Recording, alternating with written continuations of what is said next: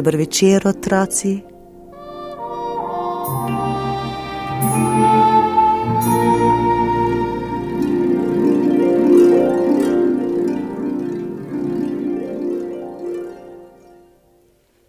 Včeraj sem bila v živalskem vrtu.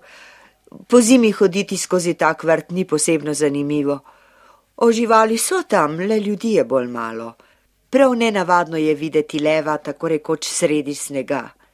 Nenavadno je tudi, da medved ne spi, pa bi po zimi moral, saj smo se tako o njem učili v šoli. Ampak kralja živali, leva, vidimo samo kot veliko mačko. Nič kraljevskega ni na njem. Mislim, da zato, ker mu je človek vzel čast in kraljevsko krono. Povem vam, kdaj in kako se je to zgodilo. Ponosno je stopal lev med zvrmi. Ni večjega junaka na svetu, kakor sem jaz, je zaupil. Nikar se ne hvali, se je oglasila stara šepava medvedka, ki jo je bila nekoč udarila drvariva sekira. Poznam večjega junaka od tebe. Lev je planu jim pokazal zobe. Pa vej, kdo je to? Človek, je odgovorila medvedka. Kje je tisti človek? je vprašal lev. In je zaupil. Rad bi se srečal z njim in pomeril svoje moči z njegovimi. Pojdi na polje, tam ga boš našel. Lev je stopil iz gozda in se napotil čez njive, čez vrtove. Nekje na livadi je zagledal konja na paši zvezanega z železnimi verigami. Približal se mu je in zaupil: Hej, kdo si ti? Ne vidiš, kdo sem? Kon sem, je odvrnil kon. A kdo te je zvezal s takšno verigo?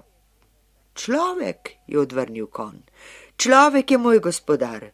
Kje je človek? Pravkar je odšel v gost po drva. Lev se je obrnil in spet odšel v gost. Na neki njivi je zagledal dva vola uprežena v lesen plug. Stala sta sredi njive in počivala.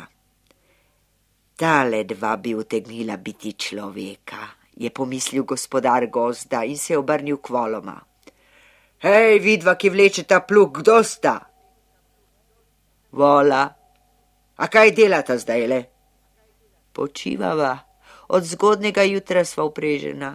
Kdo vaju je opregal ta leseni jarm? Človek, sta odgovorila vola. Aha, je pomislil lev, ni šala imeti opraviti s človekom. In je šel dalje. Prišel je v gost. Hodil je in hodil, pa je prišel do jase. Na jasi je zagledal voz drv, pred vozom pa dva velika črna bivola. Kdo sta vidva? je vprašal lev. Bivola sva, koga čakata? Čakava človeka, prišel bo in naj upregal voz, da mu odpeljeva drva. Kaj pa on?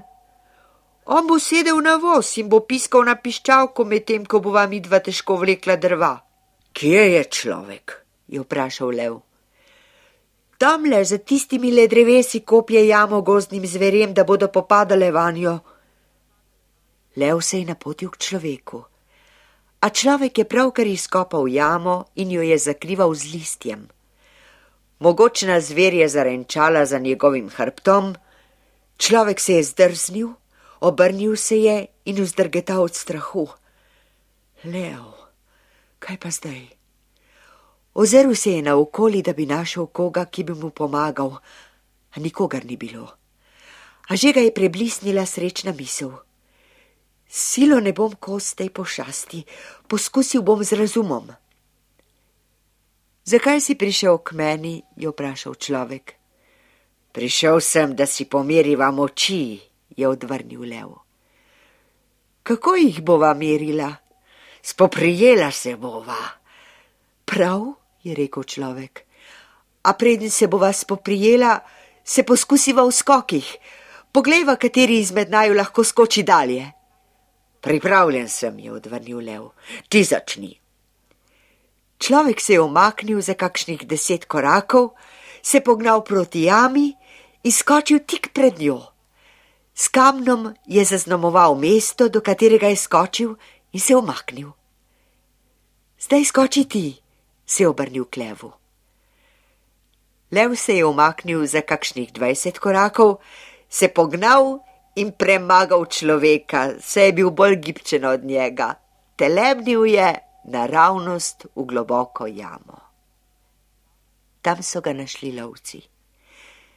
Naredili so veliko kletko, ga zaprli vanjo in ga odnesli v živalski vrt. In zdaj ga lahko vidite tam vsak dan. Tam ga lahko vidite in niti zelo daleč vam ni treba hoditi. Morda gremo gledat kralja brez krone že jutri. Zato brž v posteljo, saj pravijo mame, da morajo otroci po noči spati. Jaz pa pravim, da morajo tudi kaj lepega sanjati. Brez spanja sanjajo samo pesniki, torej zaspimo. Lahko noč, otroci.